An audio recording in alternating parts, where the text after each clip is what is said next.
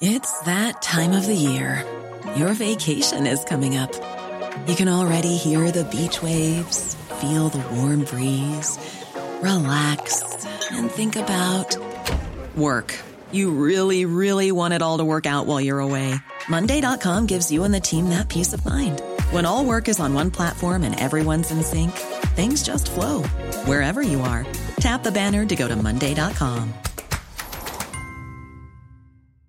Many of us have those stubborn pounds that seem impossible to lose, no matter how good we eat or how hard we work out. My solution is PlushCare. PlushCare is a leading telehealth provider with doctors who are there for you day and night to partner with you in your weight loss journey. They can prescribe FDA-approved weight loss medications like Wagovi and Zepbound for those who qualify. Plus, they accept most insurance plans. To get started, visit plushcare.com slash weight loss. That's plushcare.com slash weight loss.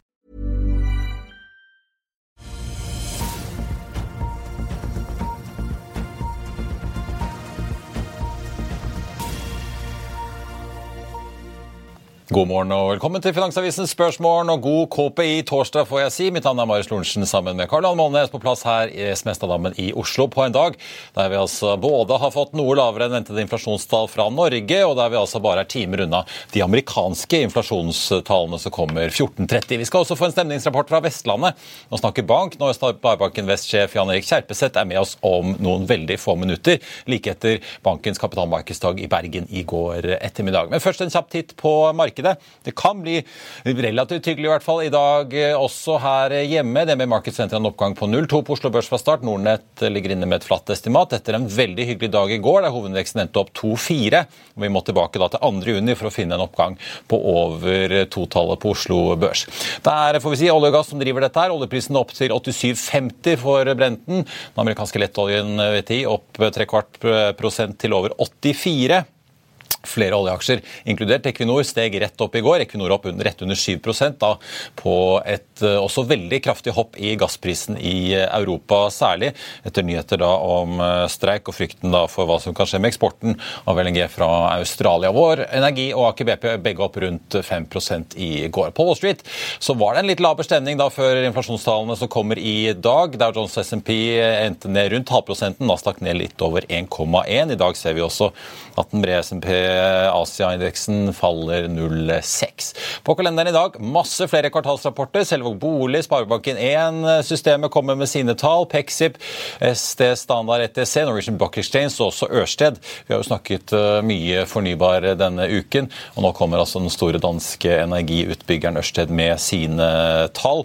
Virker foreløpig som det går relativt greit der, og ingen varsler om noen nye nedskrivninger, som vi så tidligere i år. Biokjemiselskapet Cirka, apropos kalenderen, også ute med et eh, varsel om at de kjører en kapitalmarkedsdag med hele ledelsen da den 17. august hos Pareto her i Oslo. Så er det da inflasjonstallene, norske KPI. Inflasjonstallene var jo da ventet å roe seg fra 6,4 i juni, 6,7 i mai og 6,4 i april. Endte på 5,4. Kjerneinflasjonen, som da er justert for energi- og avgiftsendringer, var ventet å roe seg til 6,4, og det gjorde den også etter at vi da var helt oppe i 6,7 i mai og i juni. Kronen styrker seg litt etter inflasjonstallene, skal vi følge med på hvordan utviklingen da går utover eh, dagen. Så får vi jo ta med at eh, Norges Bank da allerede neste torsdag arrangerer rentemøtet sitt. Det blir i Arendal som i fjor under Arendalsuken. og Så får vi se da om Ida Bakke klinker til med en renteøkning der eller ikke, noe hun da gjorde i fjor, selv om disse møtene da i august er et såkalt eh, mellommøte. Så får vi da ta med inflasjonsforventningene for USA i ettermiddag. KPI-indeksen i USA falt jo brøt under da femtallet for april med 4,9, så 4 blank i mai og 3 blank i juni. Ventet å tikke litt oppover nå for juli til 3,3. Så får vi se hvordan dette påvirker markedet. Nasdaq-indeksen særlig da har jo hatt en helt fantastisk utvikling i år, men i august er den ned 4-4 så langt. SMP og Dow ned 2-6 og 1-2 henholdsvis. Før vi tar med dagens gjest, tenkte jeg bare vi må ta med tre jobbnyheter det har vært å merke seg. Finansdirektøren i Arctic Fish går av etter ni år i jobben. og i Stolt-Nielsen så er det nå annonsert at Udo Lange tar over som konsernsjef etter at Nils Stolt-Nielsen altså takker for seg den 1.9. etter 23 år i sjefsstolen. Men han skal jo ikke lange veien, for han skal over til rollen som styreleder. Udo Lange for øvrig er i dag direktør og har mange års erfaring fra Fedex-systemet. Til slutt så er det klart at det blir Erik Hagemann som tar over som finansdirektør i Telenors erkerival Telia, etter at nordmannen Per-Kristian Mørland for ikke så lenge siden da meldte overgang til finansdirektørjobben i Skipsted. Alison Kirby, konsernsjefen i Telia, for øvrig også på vei ut. Hun skal bli sjef i det britiske BT Group.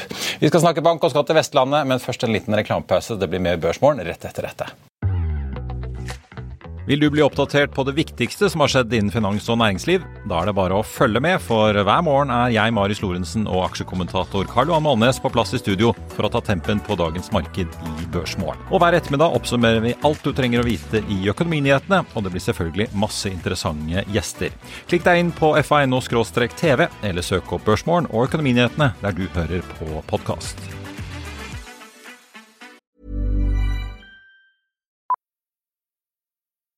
Millions of people have lost weight with personalized plans from Noom, like Evan, who can't stand salads and still lost 50 pounds.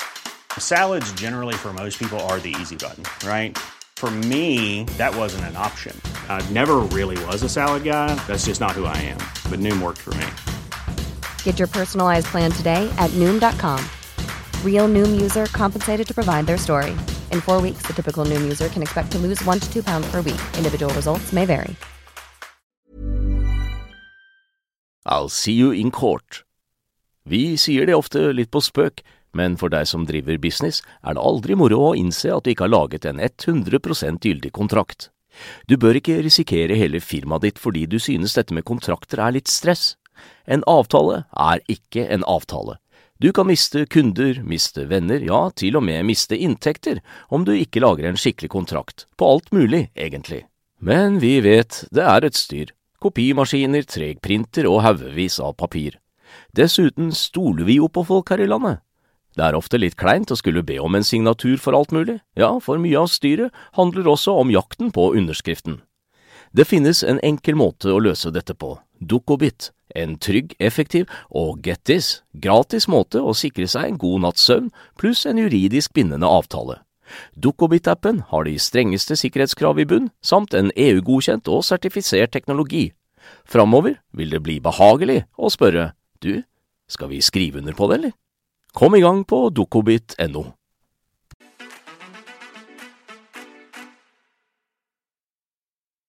Da skal vi eh, fortsette børsmålen. Handel på Oslo Børs så vidt i gang. Starter ned 0,2% på hovedindeksen, men det er jo veldig tidlig, så vi får se litt eh, hvor det lander. Pexip starter opp 5,5 etter deres kvartalsrapport.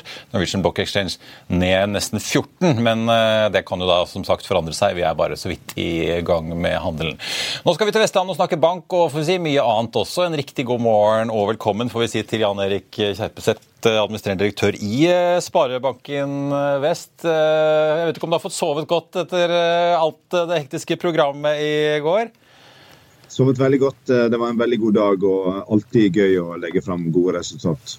Aksjen endte opp 3,1 og har hatt en veldig pen utvikling så langt i år.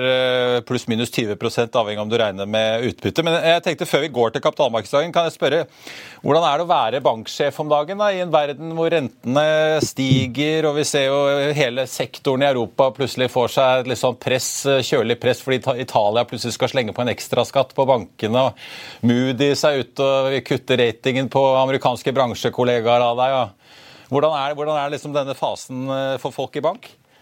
Uh, er, det er jo selvfølgelig krevende rammebetingelser. Det skjer mye rundt oss makromessig. Men nå har jeg vært CEO i ti år, og det er alltid noe å bekymre seg over i bank. og det er det nå også. Så jeg opplever at det er mer en sånn konstant tilværelse. Ja. Skal vi, skal vi, begynne litt Karl Johan, med i hvert fall det mange unge forbinder med Sparebanken Vest? Jeg vet ikke om de vet at det er Sparebanken Vest som står bak engang, men mobilbanken deres Bulder Eh, som jo fortsetter, Jeg merker meg jo det dere sier at dere er ikke helt fornøyd med veksten i privatmarkedet samlet sett. Men det er eks-Bulder. For Bulder virker det som det går så det griner. Dere annonserte jo i juli at dere nådde dette målet om 36 milliarder i utland. og Nå har dere vel slengt på et par eh, milliarder til. Hva er det som vi har jo sett S-banken har blitt kjøpt opp av DNB. Det er jo mye endringer i bankmarkedet. Danske Bank trekker seg ut fra privatmarkedet i Norge. Hva er det som gjør at Bulder treffer sånn?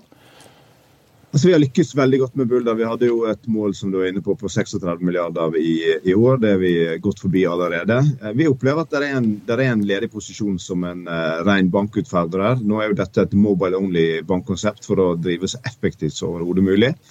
Og, og, den posisjonen, særlig etter at S-banken gradvis blir en litt annet konsept og kanskje endrer litt posisjonering, så, så er det en ledig posisjon som bankutfordreren i, i markedet. og den den har vi en klar eh, ambisjon om å ta.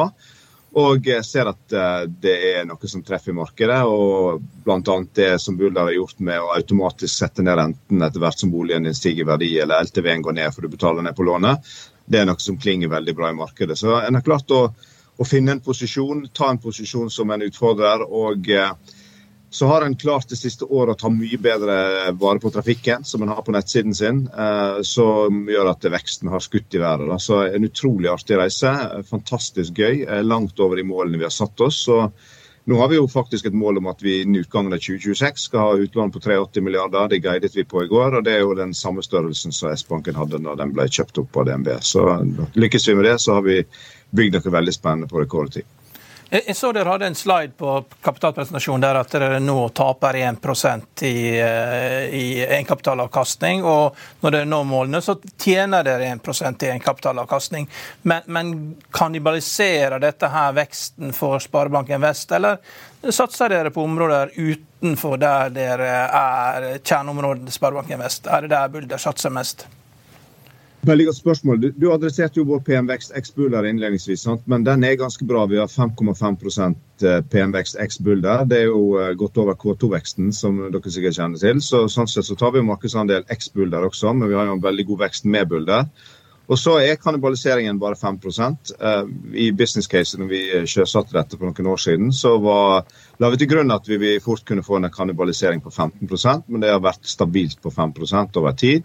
Så, så, det lever vi veldig godt med. Og, vi ville jo kanskje også mistet noen av disse kundene til andre konsepter eh, om de ikke hadde gått til Bulder. Så, så, det er vesentlig lavere enn det vi la til grunn når vi eh, startet Bulder. Nå er jo, som du sa, dere ligger på en uh, 60 skal over 80 av rundt 240 milliarder i utlandet nå da, for hele Sparebanken Vest.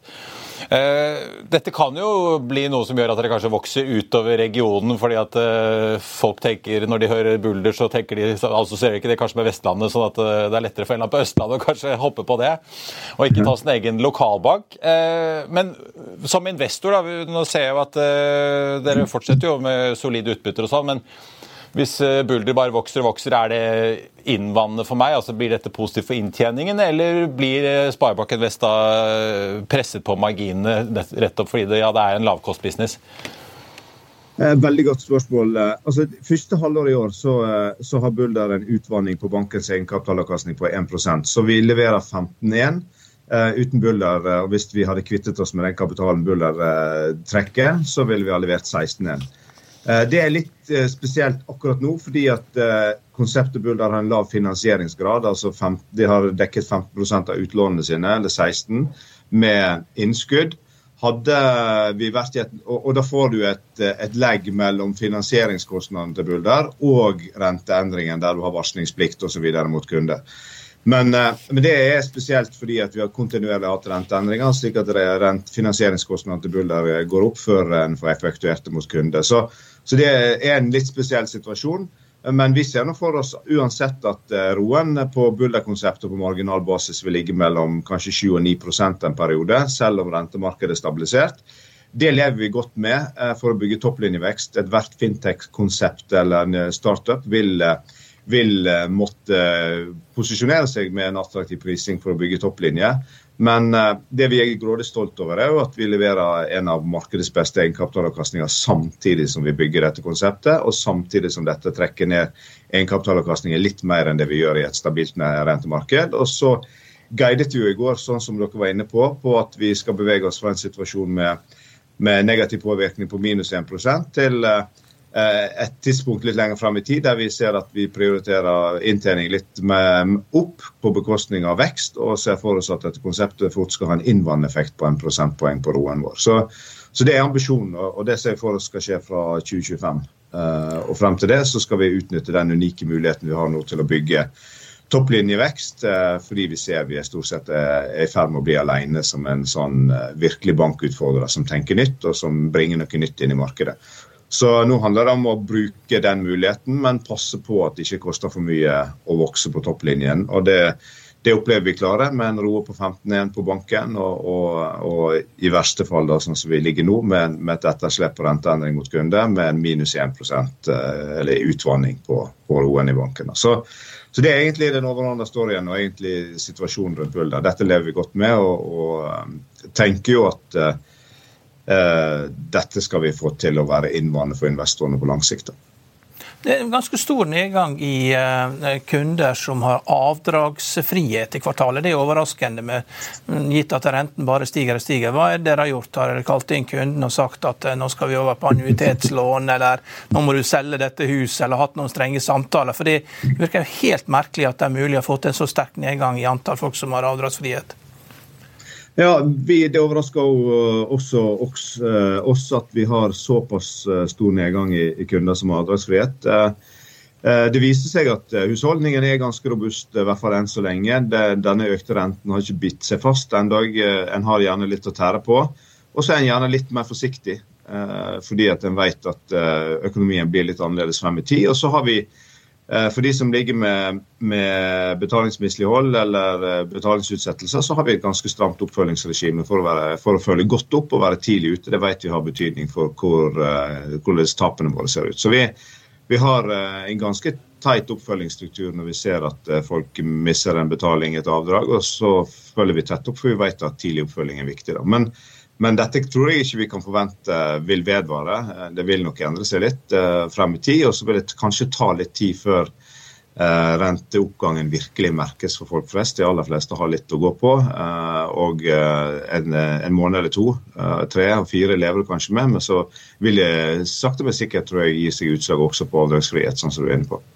Ja, for det, altså, det gjelder jo ikke bare din bank, men altså hele norsk bankvesen. Hvis man ser på hvert fall privatlån, så er det jo nesten ikke sporbare tap. Det er jo selvfølgelig litt høyere på bedriftslån.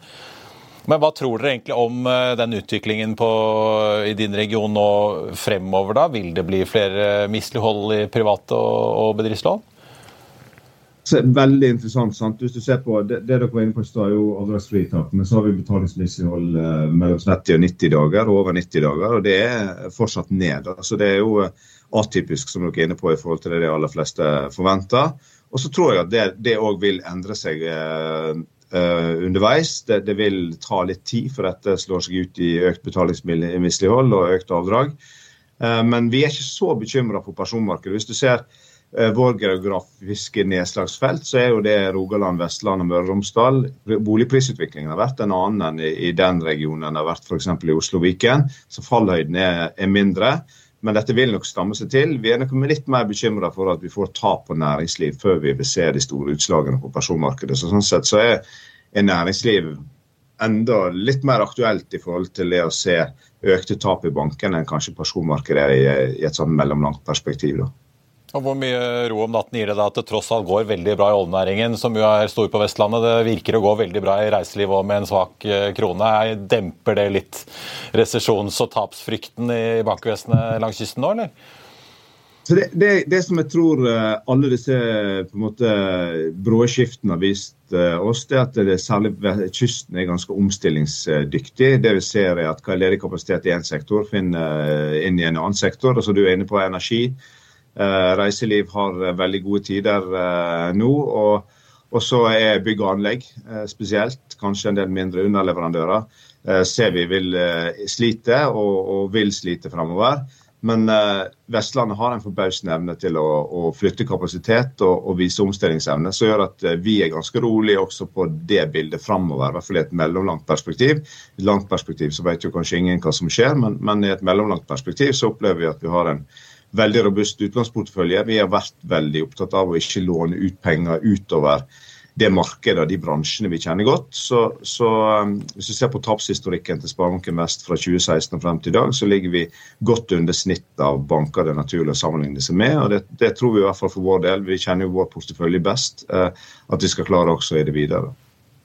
Og det, det, er jo sånn at eh, De fleste som kjøper egenkapitalbevis, det gjør det for å få et godt utbytte. og Nå hadde du sagt på presentasjonen i går at her blir det ekstraordinært utbytte. Du har hatt middag med 90 gjester i går uten å røpe størrelsen på, eh, på dette utbyttet her nå, ekstraordinære utbytte. Men kan du si noe mer kan du si noe mer hva mye ekstra folk kan forvente å få, i tillegg til de rundt 7% som ligger der i estimat nå? Ja, for Dere betalte jo 550 får jeg bare si da, tidligere år. Eh, og så er det jo pga. nye regler som dere sier skal frigjøre en del eh, midler i de kapitalbufferne dere har, som kan gå til gaver til samfunnet og utbytte nå i andre halvår.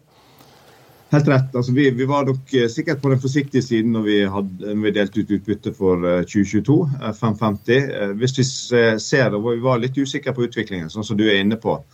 eller dere er inne på. Det, det tror vi sånn overordna at investorene må tenke, det er at bankenes kapitalmodeller er mer risikosensitive nå. Det vil være større svingninger i kapitaldekningen det vi har sett historisk, fordi at risikovektene vil endre seg ganske mye hvis boligmarkedet går ned. så så vil risikovektene til bankene endre seg ganske mye. Så kapitaldekning i bank er mer volatilt enn tidligere, mer sårbar for, for markedsendringer, enten det er boligprisutvikling eller andre ting.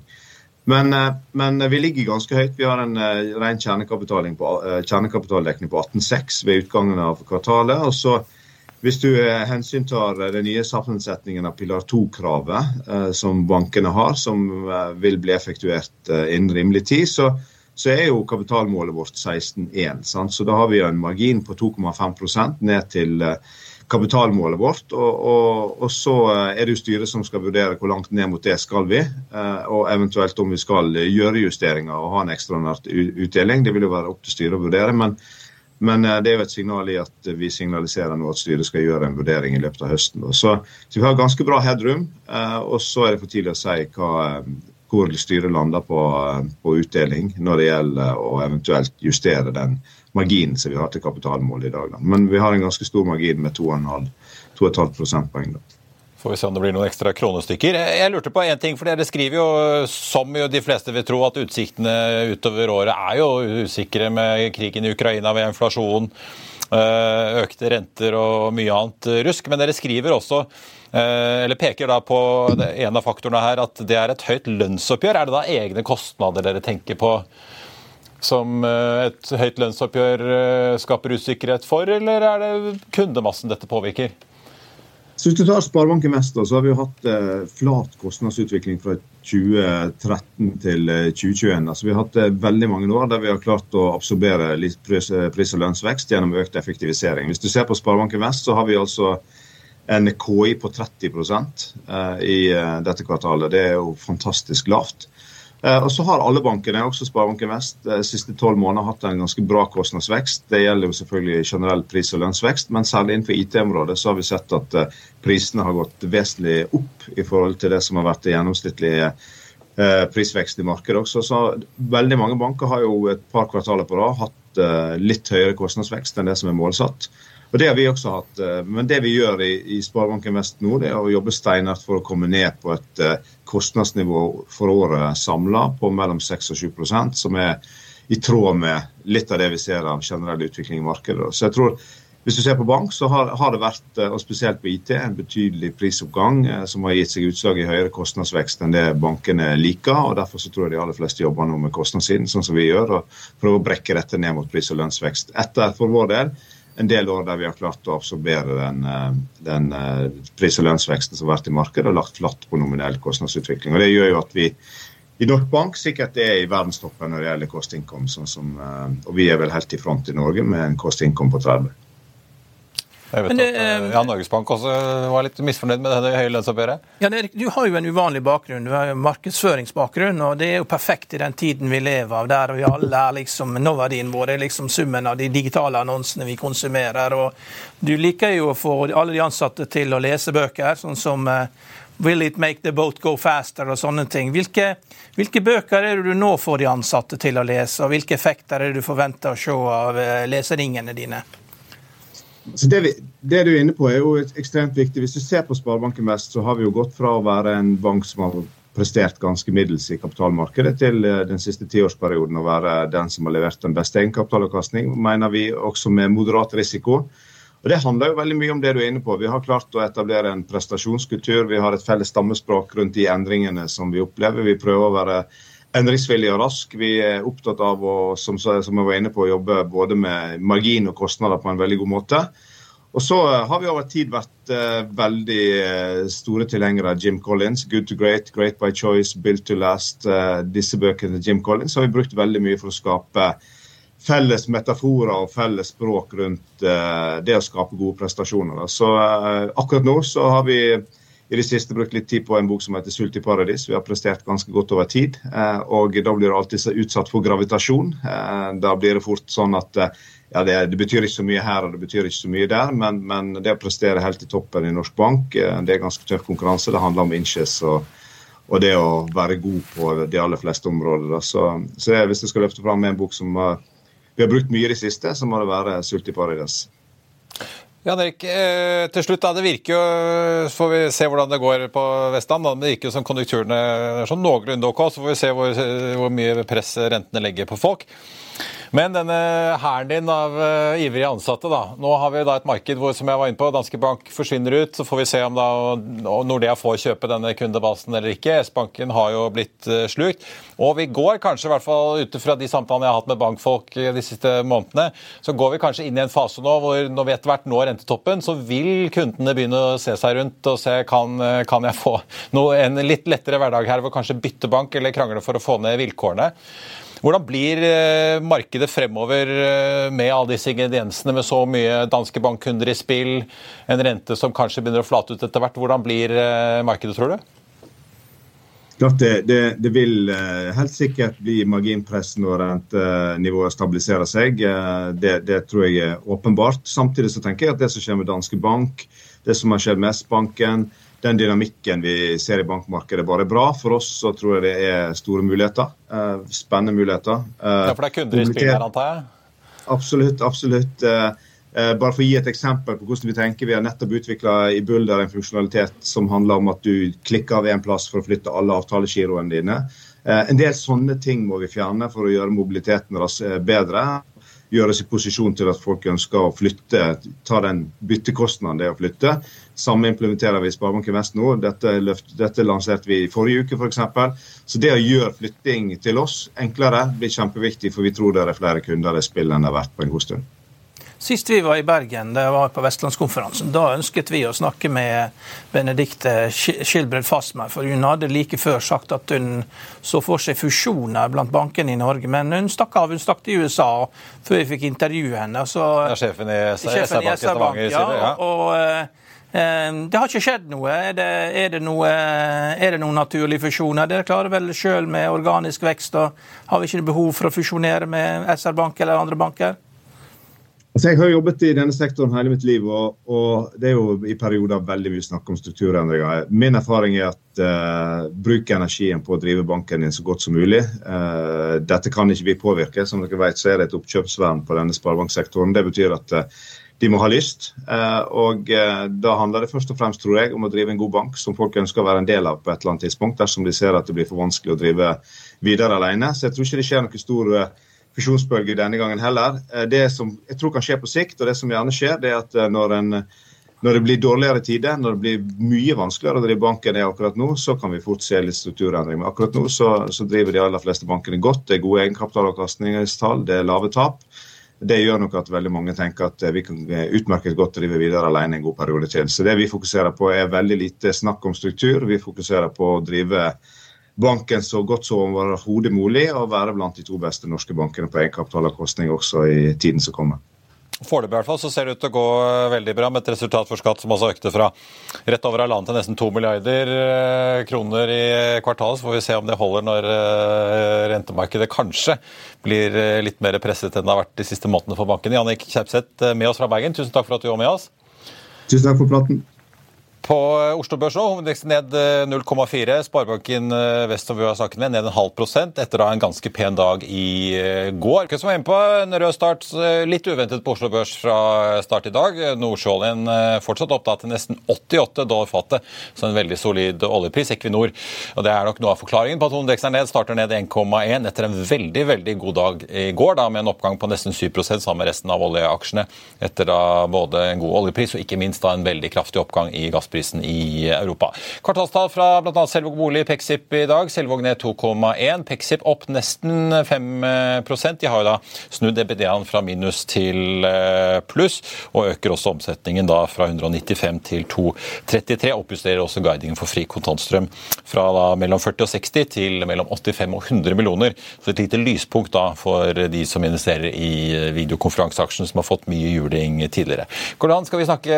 Vi må snakke litt om teknologi sektoren. Veldig mange går og venter på Nvidias kvartalsrapport. Det er vel 23. august, hvis jeg har det riktig i notatene mine her. 23. ja. ja det, Den store AI-aksjen som jo har drevet eh, Wall Street eh, opp og opp, opp i år. Ja, Her har jo det ene selskapet etter det andre kommet ut og sagt at eh, det, det er ikke så mye AI-aktivitet. og Siden Microsoft presenterte tallene sine, så er aksjen ned 10% stort selskap. I går kom det et nytt uh, selskap, Supermicroen, var, var, var også AI-relatert. og Aksjen var ned 27 i går. Eh, det er også et selskap som var veldig hypa opp på eh, AI. og eh, De sier at de ser ikke så stor aktivitet. og ja, og, og, Så da er det liksom, og så har du Joe Biden som har kommet med tiltak. Innstramminger for Kina. De kunne vært mye hardere. Det settes opp et råd. og Janet Yellen har jo vært borte hvis du har forklart dette til kineserne hva som kommer. Så det kunne vært hardere. Det er ikke noen fullstendig boikott. Men det er nye innstramminger på høyteknologiske teknologiske investeringer i Kina? Ja, på tre spesifikke områder. Eh, og det er cutting edge, liksom. Det er Kvantamaskiner og AI og en til? Ja. ja. ja. Og det er det det går på. Det kunne vært mye verre. Og, men det er klart, det, det, det, foregår jo eh, Det foregår jo ting i Kina. De rasler jo med sablene, så det er jo eh, farlige tider. da. Og, og vi ser... De sier vel indirekte, det virker jo litt hvis du leser mellom linjene, at amerikanske politikere sier til sine egne bedrifter nå at du åpner ikke ny fabrikk i Kina nå? Nei. det blir litt... Du kan ha de du har, men ja. du åpner ikke ny? Ja. Ja. Og, og, og, også eh, Det blir ikke noe sånn rådgivning. Du blir eh, eh, ja, det, Å drive med private equity og, og, gå bak ryggen og ha egne store aktiviteter, det går heller ikke. ikke sant? Der, så det, det strammes til. Ja. Ja, Men Du skriver om uh, boblene sprekker. Det var jo da om dette dere i dag og mange av de blir i avisen ja, Det er to store, to store, New York-firmaer eh, på IT. Hver av de har markedsverdi som er større enn eh, Telenor og uh, Norsk Hydro til sammen. Så det er jo kjempestore bedrifter, dette her. Og uh, de har jo altså de, Det er serviceselskaper for skytjenester. da, så De, de styrer skytjenesteplattformer, de styrer databaser. og klart når Under pandemien, som alle skulle drive og shoppe online, så vokste jo skytjenesten med 50% og disse selskapene her vokste med 60% Så det var enorm vekst. Nå kommer vi ut av pandemien, og nå guider selskapet ned tallene guider ned tallene at det liksom ikke Det, det går i ett da fra 60% ned mot 20% i ett steg. Det er ikke sånn som i skytjenesteselskapene kvartalsvis. liksom sånn 50 50, 40, 30, 20. Her har det kommet veldig fort.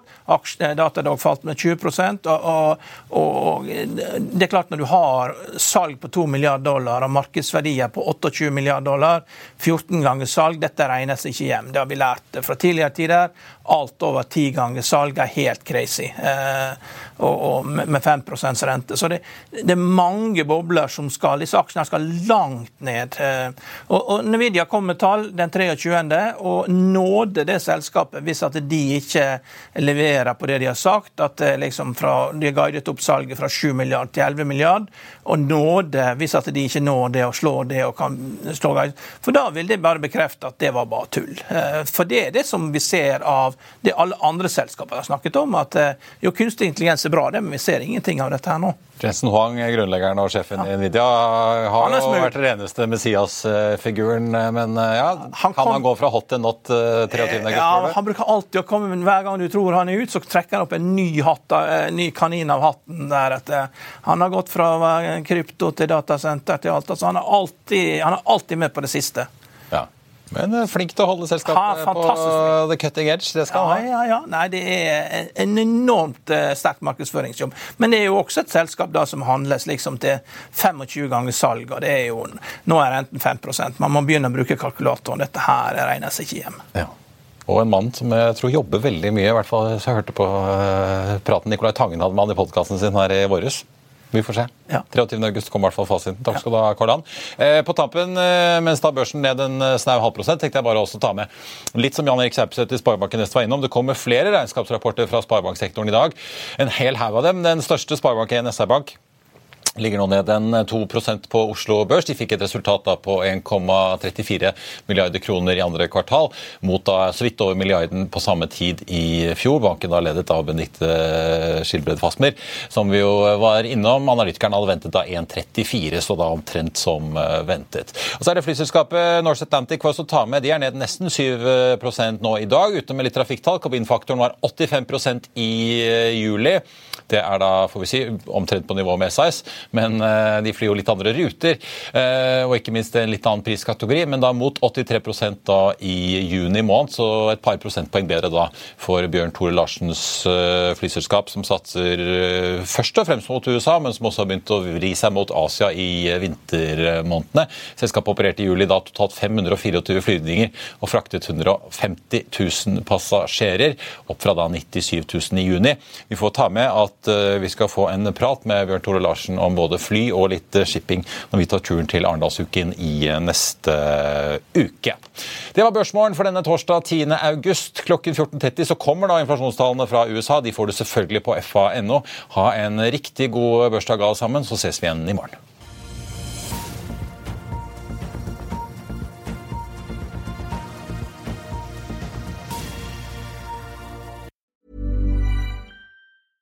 Even when we're on a budget, we still deserve nice things. Quince is a place to scoop up stunning high-end goods for 50 to 80% less than similar brands. They have buttery soft cashmere sweaters starting at $50, luxurious Italian leather bags, and so much more. Plus, Quince only works with factories that use safe, ethical, and responsible manufacturing. Get the high-end goods you'll love without the high price tag with Quince. Go to quince.com slash style for free shipping and 365-day returns. Økonominyhetene er en podkast fra Finansavisen. Programledere er Marius Lorentzen, Stein Ove Haugen og Benedikte Storm Bamvik.